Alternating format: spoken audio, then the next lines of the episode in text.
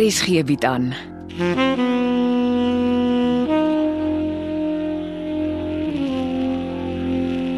Afsluiting deur Jo Kleinhans.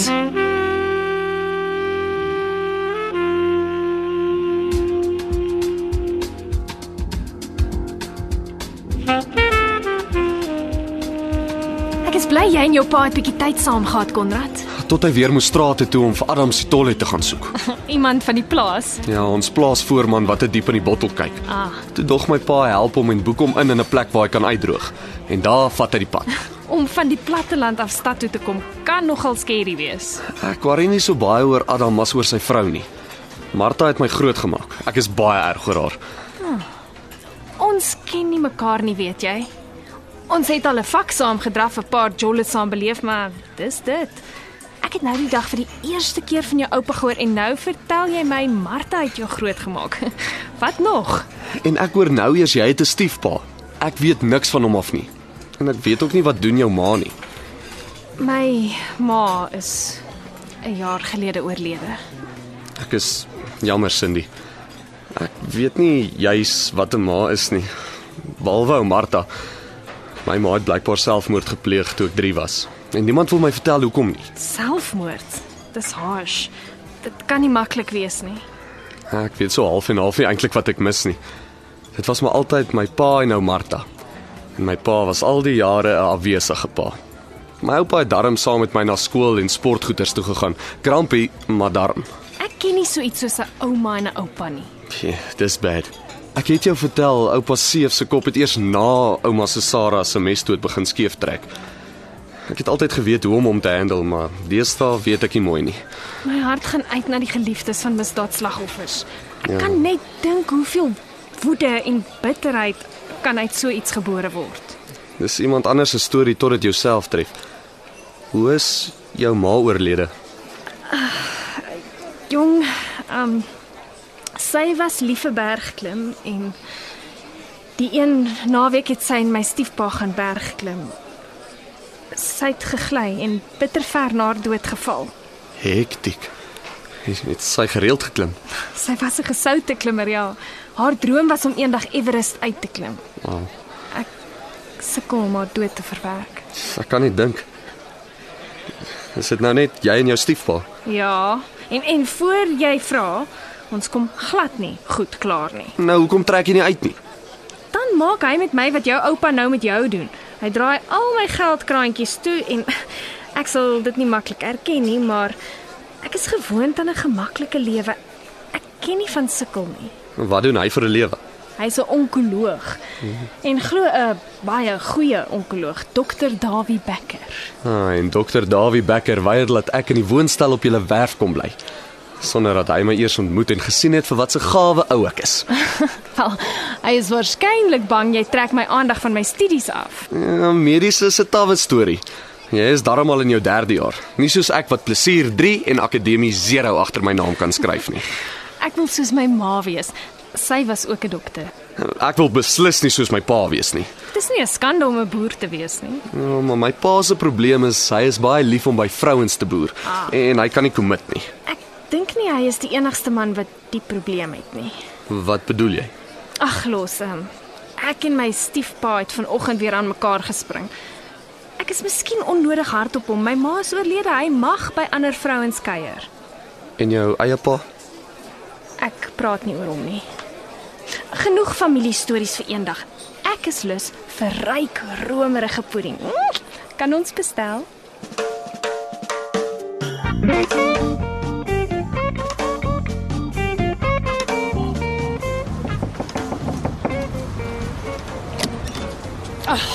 Tog nie weer jy nie. Wag, wag, wag. Ek het nie kom moeilikheid maak nie. Wat soek jy hier, Cindy? Jy hoort nie in hierdie suburb nie. Ek wil net 5 minute met jou praat. O, ons kan sommer hier buite staan. Kom in. As jy eers een keer in my flat was, sal jy dalk minder nuuskierig wees en hier wegbly. Dankie. Ek is nie hier omdat ek nuuskierig is nie. As jy so sê. Sit. Dankie. Uh, oulike plek wat jy het. Jy kan maar kyk. Ek is skaam vir my flatie. En hier is niemand nie. As dit is hoekom jy so rondkyk. Ekskuus, ek bedoel nie om lelik te wees nie. Ek is jammer ek het jou name genoem. Dit is nie my geaardheid nie. Toe maar, my tipe werk is ek gewoond daaraan. Ek het iets kom vra as jy nie omgee nie. Solank dit net nie oor een van my clients is nie. Hoekom? My sake is confidential. Dis soos wanneer jy na 'n attorney toe gaan of die dokter gaan sien. Hulle praat nie uit nie en ek praat ook nie uit nie. Maar dit is mos nie dieselfde nie. Skarrebol. Dis net siek mans wat rondloop. 'n Man wat reg is in sy kop sal mos nooit so iets doen nie. Dan is daar baie siek mans. Hmm, tell me about it. Maar dis hoekom ek my siek man se problems ook mag geheim hou. Een ou huil oor sy vrou wat 'n viswyf is, die ander een oor sy vrou wat weggeloop het. Nog 'n ou vertel my sy vrou verneek kom. En dan is daar baie mans wat alleen is omdat hulle vrouens wel dood is. Kan ek jou 'n foto op my selfoon wys? Wys, maar dit beteken nie ek gaan praat nie. Gaan dit oor die man wat jy nou die dag op die trappe sien loop het? Ja, eh, kyk mooi. Ken jy hom? N nie wat ek kan onthou nie. Jy het skaars gekyk. Ek ken gesigte. Kyk mooi. Jy sien baie mans. Is jy seker dis die man wat op my flat se trappe was? Ja, en hy is of by jou deur in of hy is met die brandtrappe af onder toe. Sy motor het ook hier onder om die straathoek gestaan. Ken jy hom? Ja. Nee, ek ken nie sy gesig nie. Jy lyk nie seker nie. Wat pla jou so baie van die man? Hy's mos heeltemal te oud vir jou. Dis my stiefpa. En jy is bang hy verneek jou ma. My ma is dood. Hy kan seker doen wat hy wil. Nou hoekom pla dit jou dan so baie? Hy is 'n gesiene man van die gemeenskap. Wat niks by 'n straatvrou uit te waai het nie. Is dit waar dat die mans wat so siek raak agter jou aan eintlik maar al die jare so siek was en Jy wil eintlik weet of die wetter jou ma verneek het toe sy nog gelewe het. seker maar dink jy hy het? Ek kan wragtig nie sê alle mans is dieselfde nie. Soos ek vir jou sê, van die mans kry genuen swaar nadat hulle hulle vrouens verloor het. En die eensaamheid vreet hulle op. Ons praat meer as wat ons enigiets anders doen. Hulle siekte is eintlik maar die eensaamheid, nie die rondloop nie. Miskien vang jy alleenheid jou stiefpa. Maar ek is hierdie een wat hom dokter nie. OK. Ek tog maar dit was hy wat ek nou die dag hier by jou op die trappe gesien het. Kyk hy mooi na jou. Ha, ons baklei baie. Vandat hy in my ma se lewe gekom het, sukkel ek om hom te trust. Ek weet nie hoekom nie. Trust kan 'n lelike issue word. Sonder trust en respek gaan geen verhouding survive nie. Hoe het jy hier beland?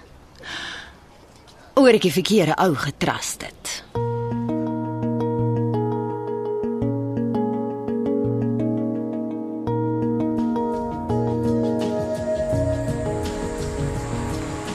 Martha, hoekom het Adam sy vervloekte bankkaart saamgevat? Um, is die kaart met die bietjie geld dat hy. Hy dra hom altyd by sy beursie. Hy moes nooit die bankkaart saam met hom gevat het nie. Hoekom? Het tatte iets van Adam gehoor? Hy het uh, van die kliniek reguit na die ATM geloop, geld getrek en vir hom drank gekoop. Ai, tatte nee. En toe loop sit hy onder die naaste boom en drink hom in die grond, Ag, nou hoekom bel hy nie vir my nie? omdat hy nie meer 'n selfoon het nie.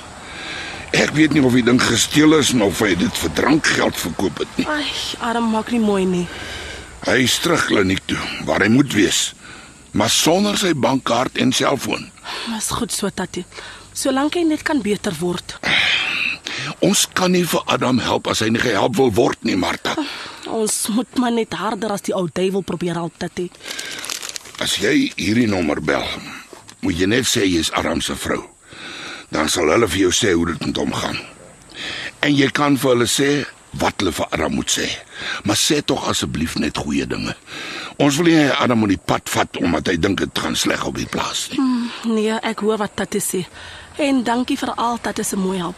Ek weet Adam het nie 'n maklike man geword nie. Waar's juffrou Miller? Op, sy sê sy skryf op papier vir tatte. Wat se papier? Ag, Ek weet nie. Dis 'n papier wat Tatie vir haar gevra het om te skryf. Sy kan dit mos in die aand doen. Sy sê Tatie soek die papier soos in skielik. Maar is reg. Ons is nie baie besig by die padstal nie. Môre sal die mense weer soos mure wees. Martha, jy weet van die plek waar Erik gewerk het op Rustenburg. Uh, ja, tatie. Dis die man wat die mense se tuine so mooi maak. Uh, hoekom? Ek het die man raak geloop en toe vertel hy vir my Erik was 'n paar dae gelede by hom gewees. Gevra of hy weer vir hom kan werk. Was Erik by jou ook? Ek weet nie of hy dalk by die arm was nie, maar nie by my nie. Gaan hy nou weer op Rustenburg werk? Nee, die man wil nie weer vir hom werk gee nie. Erik kan jou ten minste bel, vir jou sê hoe dit met hom gaan. Vandag se kinders, hulle het nie respek nie. Hulle wil net hê. Ons moet maar net aanhou bied, tatie. Die goeie dinge sal kom soos die reën.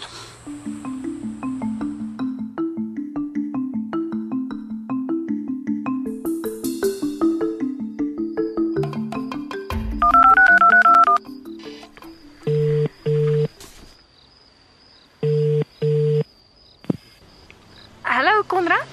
Haai, ek was vanmiddag by jou, maar julle tuin hier het gesê jy het gery. Het jy nie vanoggend genoeg gekuier nie?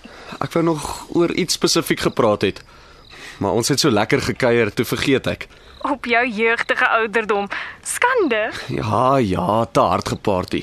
A- Anyway, jy het mos 'n kontak met 'n kunsgalery. Eintlik my stiefpa, dis sy vriend se galery. Dis nou jammer, want dokter Dawie Becker hou mos nie eintlik van my nie. Moenie vir my sê jy skilder in die geheim nie. Nee nee, nie ek nie, my ma het. Ek sien. En die skilderye moet 'n paar jaar oud wees. Ja, so tussen 17 en 25 jaar. Ek het drie skilderye van die plaas saamgebring. Ons familie het gewonder hoe die mark op my ma se skilderye gaan reageer. Gee my 'n dag of twee. Ek sal hoor wat sê my stiefpa.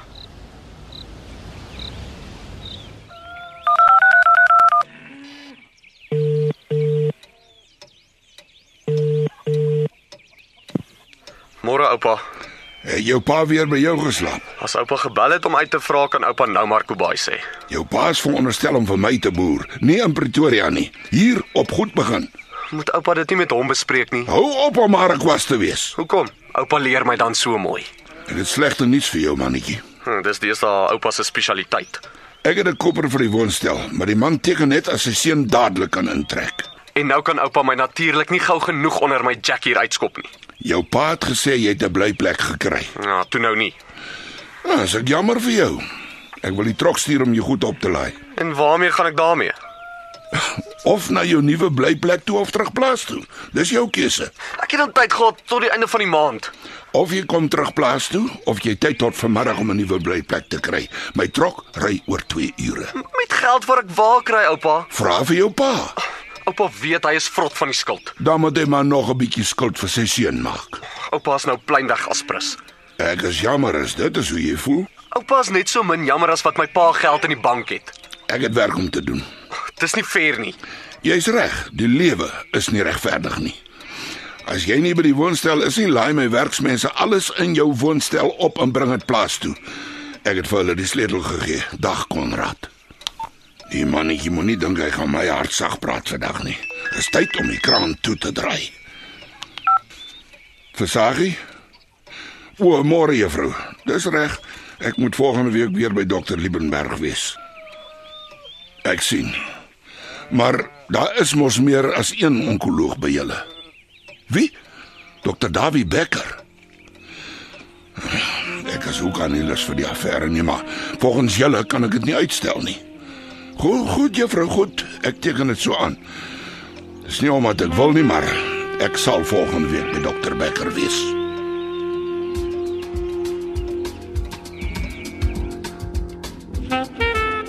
Dit was afsluiting deur Jo Kleinhans. Die spelers is Cindy Nel, Lelia Etsebet, Konrad Ninaber, Casper Lourens, Sweetness Botus, Heidi Molenze, Sefi Saghi, François Stemmet, Marta Sitole, Dr. Hasun Katlo. Die storie word tegnies versorg deur Evert Snyman Junior en Bongwe Thomas en die regisseur is Renske Jacobs.